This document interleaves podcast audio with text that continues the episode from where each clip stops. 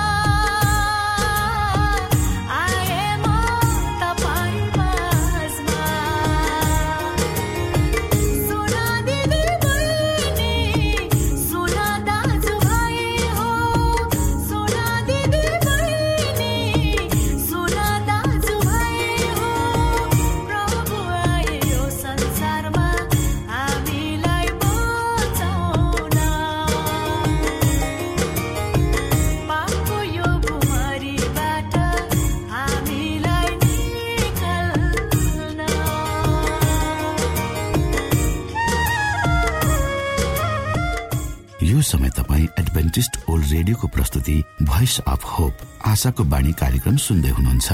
श्रोता मित्र यो समय हामी पास्टर उमेश पोखरेलबाट आजको बाइबल सन्देश सुन्नेछौ। श्रोत साथी न्यानो अभिवादन। म तपाईँको आफ्नै आफन्त पास्टर उमेश पोखरेल परमेश्वरको वचन लिएर यो समय यो रेडियो कार्यक्रम मार्फत तपाईँहरूको बिचमा उपस्थित भएको छु। मलाई आशा छ तपाईँले हाम्रा कार्यक्रमहरू नियमित रूपमा सुन्दै हुनुहुन्छ र परमेश्वरका आशिषहरू प्राप्त गर्दै हुनुहुन्छ। तपाईँका कुनै जिज्ञासाहरू छन्? तपाईँलाई कुनै समस्याहरू छ? जुन कुरा तपाईँ हामीलाई बाँड्न चाहनुहुन्छ भने कृपया गरेर हामीलाई पत्र मार्फत वा फोन मार्फत जानकारी दिन सक्नुहुनेछ र तपाईँको दुःखमा सुखमा हामी सहभागी हुन चाहन्छौँ। आउनुहोस् आजको प्रस्तुतिलाई सुरु गर्नुभन्दा पहिले परमेश्वरमा अगुवाईको लागि हामी बिन्ती राख्नेछौँ जीवित जिउँदो महान दयालु परमेश्वर प्रभु हामी धन्यवादी छौँ। यो जीवन र जीवनमा दिनुभएका प्रशस्त आशिषहरूको लागि प्रभु यो रेडियो कार्यक्रमलाई म तपाईँको हातमा राख्दछु यसलाई तपाईँको राज्य महिमाको प्रचारको खातिर यो देश र सारा संसारमा पुर्याउनुहोस् ताकि धेरै मान्छेहरूले तपाईँको ज्योतिलाई चिन्न सकुन् र तपाईँको राज्यमा प्रवेश गरून् सबै बिन्ती प्रभु यीशुको नाममा आमेन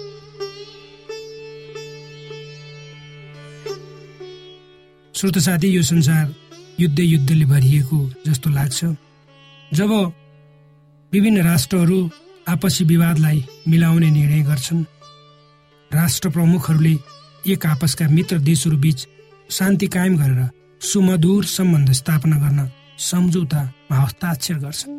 निश्चय नै यो राम्रो पक्ष हो किन शान्ति कायम गर्नु भनेको। युद्धलाई अन्त्य गर्नु पनि राम्रो पक्ष हो। हामी जहाँ बसे पनि एक आपसमा आफ्ना छिमेकीहरूसँग मिलेर शान्तिमा बस्न चाहन्छौँ। र एउटा देशले आफ्नो छिमेकी देशसँग पनि त्यही अपेक्षा राखेको हुन्छ। यो संसार एउटा यो संसारमा एउटा अदृश्य वा अव्यक्त युद्ध भइरहेको छ।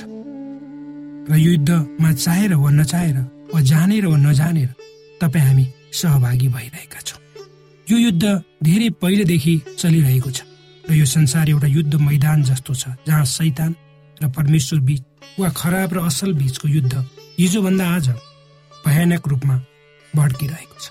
यो युद्ध सांसारिक हात हतियारद्वारा लडिँदै गरेको युद्ध भने होइन श्रोता। यो त तपाईँ हाम्रो मनद्वारा मनमा लडिँदै गरेको युद्ध हो। के तपाईँले कहिले यस्तो अनुभव गर्नुभएको छ कि तपाईँ असल र खराब बिचमा हुनुहुन्छ? तपाईँलाई थाहा छ खराब के हो र असल के हो? अनि तपाईँ त्यसको बिचमा पर्नु भएको छ चेपिनु भएको छ।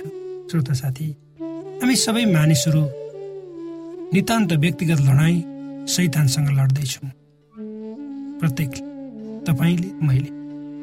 यो युद्धमा तपाईँ हामी विजय हुन्छौँ वा पराजित त्यो तपाईँ र ममा पार पर्ने कुरा हो। यो संसारका सबै कुरालाई निहालेर हेर्ने भने हामी खराबी खराबले प्रशय पाएको देख्छौँ। यद्यपि राम्रा कुराहरू पनि यस संसारमा नभएका भने होइन। तर खराब जति छिटो बढ्छ फैलिन्छ त्यति छिटो असल कुरा बाहिर आउँदै त्यसलाई हामीले स्वीकार गर्नुपर्छ।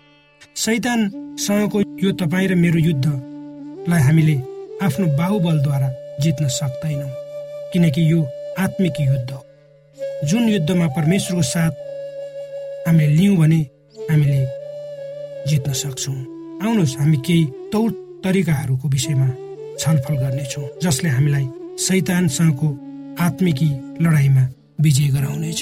पहिलो कुरा हामी आत्मसंयम र चनाखो हुनुपर्छ जुन कुरा पवित्र धर्मशास्त्रमा यसरी लेखिएको छ। सचेत रह जागा रह। तिमीहरूको शत्रु दियाबलस कसलाई भेट्टाउ र खाइहालौँ भनी गर्जने सिंह झैँ खोजी हिँड्छ। आत्मसंयम भन्नाले तपाईँ हामी हाम्रा भावनाहरू विचारहरू बोली वचनद्वारा आत्मसंयम भन्नाले तपाईँ हामी हाम्रा भावनाहरू विचारहरू बोली वचनहरू निर्णयहरू र कामहरूप्रति जिम्मेवार हुनुपर्छ। यसको निम्ति तपाईँले आफ्नो जीवनलाई व्यवस्थित रूपमा चलाउनुपर्छ र आफूले आफैले जिम्मा लिनुपर्छ। तपाईँले गर्ने कामहरू निर्णयहरू अरू मानिसहरूको प्रभावमा समय र परिस्थिति अनुसार अथवा सैतानको चालबाजीमा हुनु हुँदैन किनकि तपाईँ का प्रत्येक कार्यमा परमेश्वर तपाईँको साथमा हुनुहुन्छ र हुन चाहनुहुन्छ। उहाँले कुन समयमा के गर्नुपर्छ त्यो तपाईँलाई भन्नुहुन्छ वा भन्न चाहनुहुन्छ। स्वत साथी चनाखो रहनु भन्नुको अर्थ आफ्नो कमी कमजोरीहरूलाई जानेर सैतानको जाल झेलमा नपर्नु नै हो भनेर हामीले बुझ्नुपर्छ। अर्थात् तपाईँका जीवनका प्रत्येक पाइलाहरूमा सैतानले आफ्नो जालहरू बडो राम्ररी फिजाएको हुन्छ र ती कुराहरूबाट तपाईँ हामी सचेत रहनु जरुरी छ। स्वत साथी सैतानसँगको तपाईँको व्यक्तिगत लडाइँमा विजय हुन आफूले आफूलाई परमेश्वरमा समर्पित गर्नुपर्छ। जब तपाईँ आत्मसंयम र सचेत हुनुहुन्छ तब सैतानको चालबाजीबाट तपाईँ हामी सुरक्षित हुन सक्छौँ। तर सैतानसँगको अर्को युद्धको चरणमा सैतानले तपाईँ हामीलाई अझै अप्ठ्यारोमा पार्ने कोसिस गर्छ। किनकि युद्धको कला र नियम कानुनहरू बनाइएका हुन्छ र ती नियम कानुनभित्र रहेर युद्ध गर्नुपर्ने हुन्छ। यदि तपाईँले यो युद्धमा जित्नुभएका कुराहरू र हार्नुभएका कुराहरू भन्दा कम छन् भने तपाईँले युद्धको प्रभाव छन् भने तपाईँले युद्धको प्रमुख नियम छ त्यसलाई उपेक्षा गर्नुभएको हुनेछ। त्यसकारण आफूलाई परमेश्वरको अगाडि समर्पित गर्नुहोस्। कुनै पनि धार्मिक संस्थामा आबद्ध हुँदैमा वा क्लबको सदस्य हुँदैमा मुक्ति पाइन्न श्रोता। जब तपाईँले आफ्नो जीवनलाई परमेश्वरको अगाडि पूर्ण रूपमा समर्पित गर्नुहुन्छ तब तपाईँको नाउँ परमेश्वरको सेनामा लेखिन्छ। तब जुन युद्ध तपाईँ लडिरहनु भएको हुन्छ त्यो तपाईँको मात्र युद्ध हुँदैन तब उक्त युद्ध तपाईँको राजाको पनि हुन्छ। राजाले राज्यमा अधिकार गर्छन् र उनीसँग शक्ति हुन्छ र कुनै पनि राज्य शक्ति राजाले मात्र दिन सक्छन्। त्यसकारण युद्ध जित्नको लागि तपाईँले आफ्नो राजालाई चिन्नुपर्छ र उहाँमा आफूलाई समर्पित गर्नुपर्छ। रोमन कप्तान जसले प्रभु येसुलाई भेटे तब यसरी बुझे भनेर बाइबलमा लेखिएको छ। किनकि म किनकि म पनि अख्तियार मुनि बस्ने मानिस हुँ। अनि मेरो अधिकारमा सिपाहीहरू छन्। म एउटालाई जा भन्छु अनि त्यो जान्छ। अर्कोलाई आइज भन्छ अनि त्यो आउँछ। मेरो कमारालाई यो गर भन्छु अनि त्यसले गर्छ। यो रोमन कप्तानले बुझ्यो कि उसले आफ्नो शक्ति उहाँमा आफूलाई समर्पित गरेको कारणले पायो भनेर। यसुमा आफूलाई समर्पित गर्नाले सैतानसँगको युद्धमा तपाईँलाई सफलता हुने शक्ति प्राप्त हुन्छ। अर्थात् तपाईँका जीवनमा आएका परीक्षाहरू अप्ठ्यारा अवस्थाहरू सबैलाई परमेश्वरमा राख्नुहोस्। उहाँ राजाहरूका पनि राजा हुनुहुन्छ। जसले भन्नुहुन्छ स्वर्ग र पृथ्वीमा समस्त अधिकार मलाई दिएको छ। उहाँको अधिकार मुनि रहेर तपाईँ र मैले सैतानसँगको युद्धमा विजय हासिल गर्न सक्छौँ। तर न त मानवीय बल न शक्तिले उहाँको आत्माले भनेर परमेश्वर भन्नुहुन्छ। जुन कुरा पवित्र धर्मशास्त्र बाइबलको जकरिया भन्ने पुस्तकको चार अध्यायको छ पदमा लेखिएको छ श्रोता। श्रोता साथी पवित्र धर्मशास्त्रमा यसो लेखिएको छ आफैलाई परमेश्वरको अधिकारमा राख। दियावलसको विरोध गर तर त्यो तिमीबाट भाग्नेछ। जब तपाईँ हामी आत्मसंयमी हुन्छौँ सचेत हुन्छौँ परमेश्वरमा आफ्नो जीवनलाई पूर्ण रूपमा समर्पित गर्छौँ अर्को चरण सैतानले तपाईँ हामीलाई आक्रमण गर्न खोज्छ। त्यो हो त्यसमा हामीले सैतानसँग प्रतिरोध गर्नुपर्छ। तब उहाँले हामीलाई त्यसबाट स्वतन्त्र गरिदिनु हुनेछ। जब तपाईँ हामी परमेश्वरसँग पूर्ण रूपमा मिलापमा हुन्छौँ तब उहाँको शक्ति र अधिकार तपाईँ हामी पछाडि हुन्छ। त्यसपछि जब कुनै काम गर्नुहुन्छ वा बोल्नुहुन्छ तपाईँ त्यसै अनुसार गर्नुहुन्छ जुन परमेश्वरको इच्छा हुन्छ। अर्थात् तपाईँ र म परमेश्वरको प्रतिनिधिको रूपमा काम गर्दछु यस संसार मानव तपाईँ गाडी चलाएर कतै जानु जाँदै हुनुहुन्छ। पुलिसको एउटा हाकिमले सिट्ठी बजाएर तपाईँलाई आफ्नो गाडी रोक्नु भन्छ। किनकि तपाईँ गाडी छिटो दौडाइरहनु भएको हुन्छ। तब कानुनको सबै शक्तिले त्यहाँ काम गर्छ। यदि तपाईँ आफ्नो गाडी रोक्नु यदि तपाईँले आफ्नो गाडी त्यहाँ रोक्नु भएन भने तपाईँलाई पुलिसले घेरेर समात्नेछ र पुलिस अफिसमा लगिनेछ। तब नियम उल्लङ्घन गरेकोमा तपाईँलाई सजाय हुनेछ। जबसम्म उक्त पुलिस अफिसर आफूभन्दा माथिसँग मिल्छ उनीहरूले भनेको कुरा मान्छ तब सम्म उसँग शक्ति र अधिकार दुवै हुन्छ। त्यही कुरो हाम्रो जीवनमा पनि लागु हुन्छ। मलाई विश्वास छ म के भन्दैछु तपाईँले बुझ्नुभयो। भने परमेश्वरको राज्यमा समर्पित जीवनले राजाको प्रतिनिधित्व गर्दछ। जब तपाईँ परमेश्वरको इच्छा अनुसार काम गर्नुहुन्छ तपाईँ मार्फत बोल्नुहुन्छ र काम गर्नुहुन्छ। प्रभु येसुले यसो भन्नुभयो मैले तिमीहरूलाई सर्पहरू र बिच्छुहरू कुल्चने र शत्रुको सारा शक्ति माथि अधिकार दिएको छु र कुनै कुराले तिमीहरूलाई हानि गर्ने छैन। जब तपाईँले आफूलाई पूर्ण रूपमा परमेश्वरमा समर्पित गर्नुहुन्छ तब शैतानसँग तपाईँ प्रतिरोध गर्न सक्नुहुन्छ। शैतानले तपाईँलाई केही बिगार्न सक्दैन प्रभु येसुले पनि शैतानसँग प्रतिरोध गर्नुभएको छ।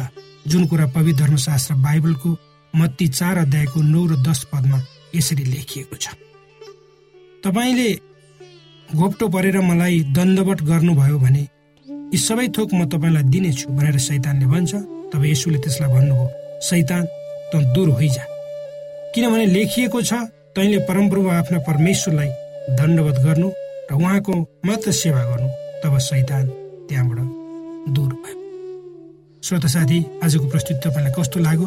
तपाईँका केही जिज्ञासाहरू छन् भने हामीलाई लेखेर पठाउनुहोस्। हामी त्यसको उत्तर दिन तयार छौँ।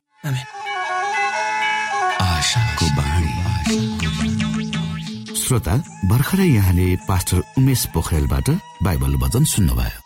यो समय तपाईँ एडभेन्टिस्ट ओल्ड रेडियोको प्रस्तुति भोइस अफ होप आशाको बाणी कार्यक्रम सुन्दै हुनुहुन्छ। कार्यक्रम सुनेर बस्नुहुने सबै श्रोतालाई हामी हाम्रो कार्यक्रममा स्वागत गर्न चाहन्छौ।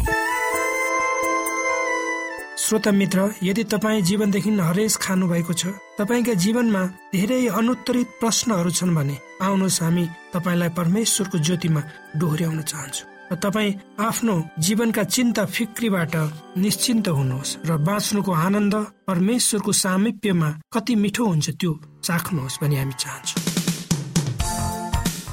श्रोता यदि तपाईँ आशाको बाणी कार्यक्रमलाई अनलाइन सुन्न चाहनुहुन्छ वा डाउनलोड गर्न चाहनुहुन्छ भने W dot A W R dot ओआरजीमा जानुहोस्। त्यहाँ तपाईँले प्रत्येक दिनको कार्यक्रम सुन्न र डाउनलोड गर्न सक्नुहुनेछ। हाम्रो वेब पेज यस प्रकार छ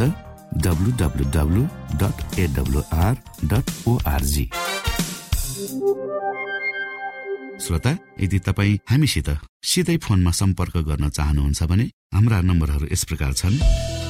अन्ठानब्बे एकसाठी पचपन्न शून्य एक सय बिस। अन्ठानब्बे एकसाठी पचपन्न शून्य एक सय बिस। र अर्को अन्ठानब्बे अठार त्रिपन्न पन्चानब्बे पचपन्न। अन्ठानब्बे अठार त्रिपन्न पन्चानब्बे पचपन्न। श्रोत साथी न्यानो कृष्ण अभिवादन।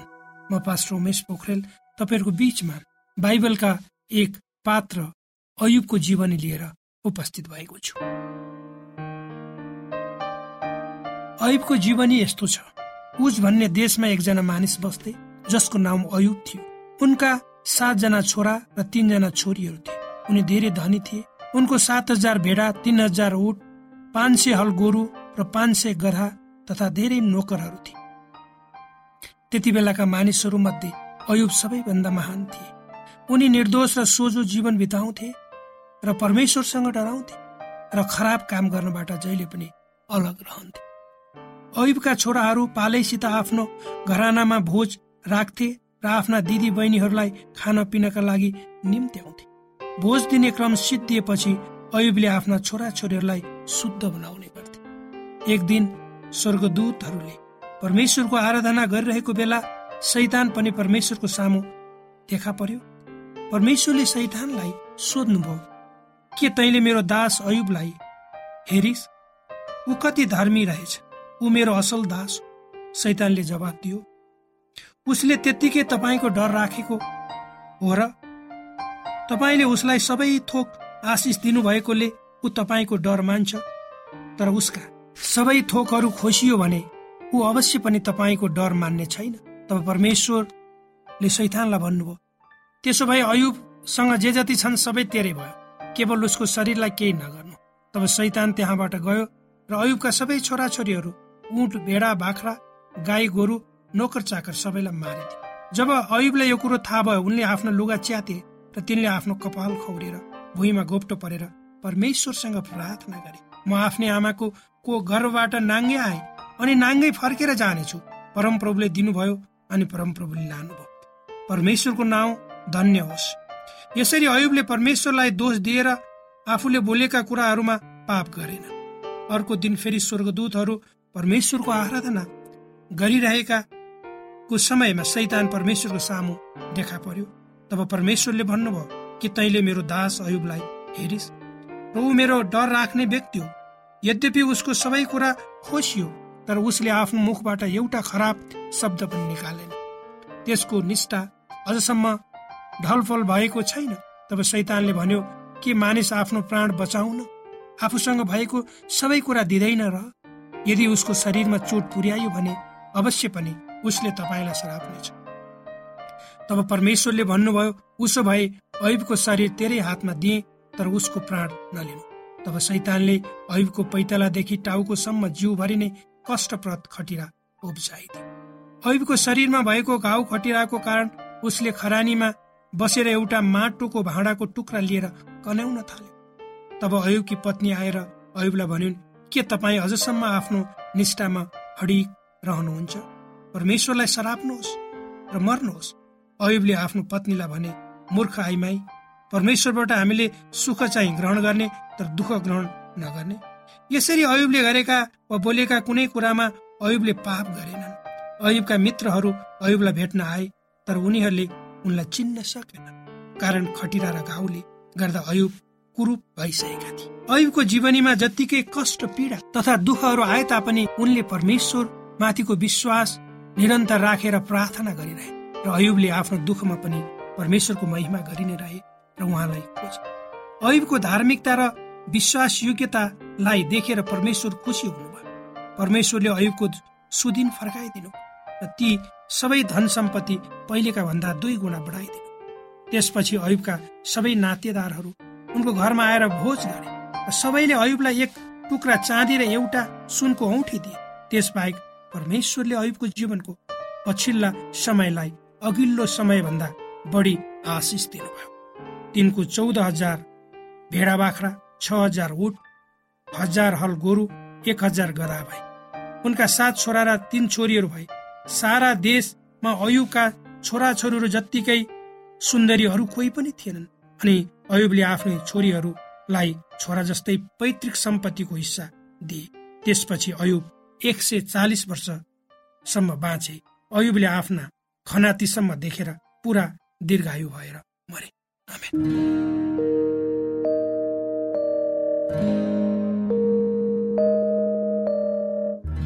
आदरणीय मित्र बाइबलले बताएको छ परमेश्वरले तिर्खाकाहरूलाई तृप्त पार्नुहुन्छ र भोकालाई उत्तम पदार्थले सन्तुष्ट पार्नुहुन्छ। हामीलाई दिइएको यो छोटो समय आशाको बाणीको प्रस्तुतिको समयमा हामीले हाम्रा श्रोताको आत्मिक भोकलाई केही मात्रामा भए तापनि सही प्रकारको खोराक पस्केर आत्मिक सन्तुष्टि दिन सकेका छौँ केही ऊर्जा थप्न सकेका छौँ भनेर हामीले आशा राखेका छौँ।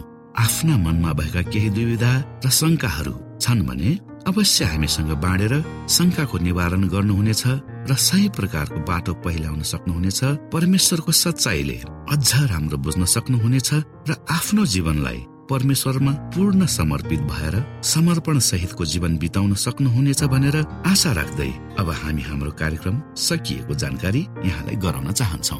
जानुभन्दा अगाडि श्रोता हामी यहाँलाई हाम्रो ठेगानाको विषयमा जानकारी गरौं। हामीसँग पत्राचार गर्ने हाम्रो ठेगाना यस प्रकार छ। आशाको बाणी पोस्ट बक्स नम्बर दुई शून्य शून्य शून्य दुई काठमाडौँ नेपाल। आशाको बाणी पोस्ट बक्स नम्बर दुई शून्य शून्य शून्य दुई काठमाडौँ नेपाल। यसै गरी श्रोता यदि तपाईँ हामीसँग सिधै कुराकानी गर्न चाहनुहुन्छ भने हाम्रो फोन नम्बर यस प्रकार छ। अन्ठानब्बे एकसाठी पचपन्न शून्य एक सय बिस। अन्ठानब्बे एकसाठी पचपन्न शून्य एक सय बिस र अर्को अन्ठानब्बे अठार त्रिपन्न पन्चानब्बे पचपन्न। अन्ठानब्बे अठार त्रिपन्न पन्चानब्बे पचपन्न। हामीलाई इमेल पनि गर्न सक्नुहुन्छ। हाम्रो इमेल एड्रेस यस प्रकार छ Nepal at AWR dot ORG Nepal at AWR dot ORG यदि तपाईँ हामीलाई अनलाइन सुन्न चाहनुहुन्छ वा डाउनलोड गर्न चाहनुहुन्छ भने तपाईँ W dot A W R dot ओआरजीमा जानुहोस् र त्यहाँ तपाईँले हाम्रा सबै कार्यक्रमहरू सुन्न सक्नुहुनेछ। हाम्रो वेब पेज यस प्रकार छ W dot AWR dot ORG श्रोता यसमा गएर तपाईँले हाम्रा दैनिक कार्यक्रमलाई सुन्न सक्नुहुनेछ र डाउनलोड पनि गर्न सक्नुहुनेछ। हवस् त श्रोता हाम्रो कार्यक्रम सुनिदिनु भएकोमा एकचोटि फेरि यहाँलाई धन्यवाद दिँदै भोलि फेरि यही स्टेशन यही समयमा यहाँसँग भेट्ने आशा राख्दै प्राविधिक साथी राजेश र पास्टर उमेश पोखरेल र कार्यक्रम प्रस्तुता म रवि यहाँसँग विदा माग्दछौ। परमेश्वरले तपाईँलाई धेरै धेरै आशिष दिनु भएको होस्। नमस्कार।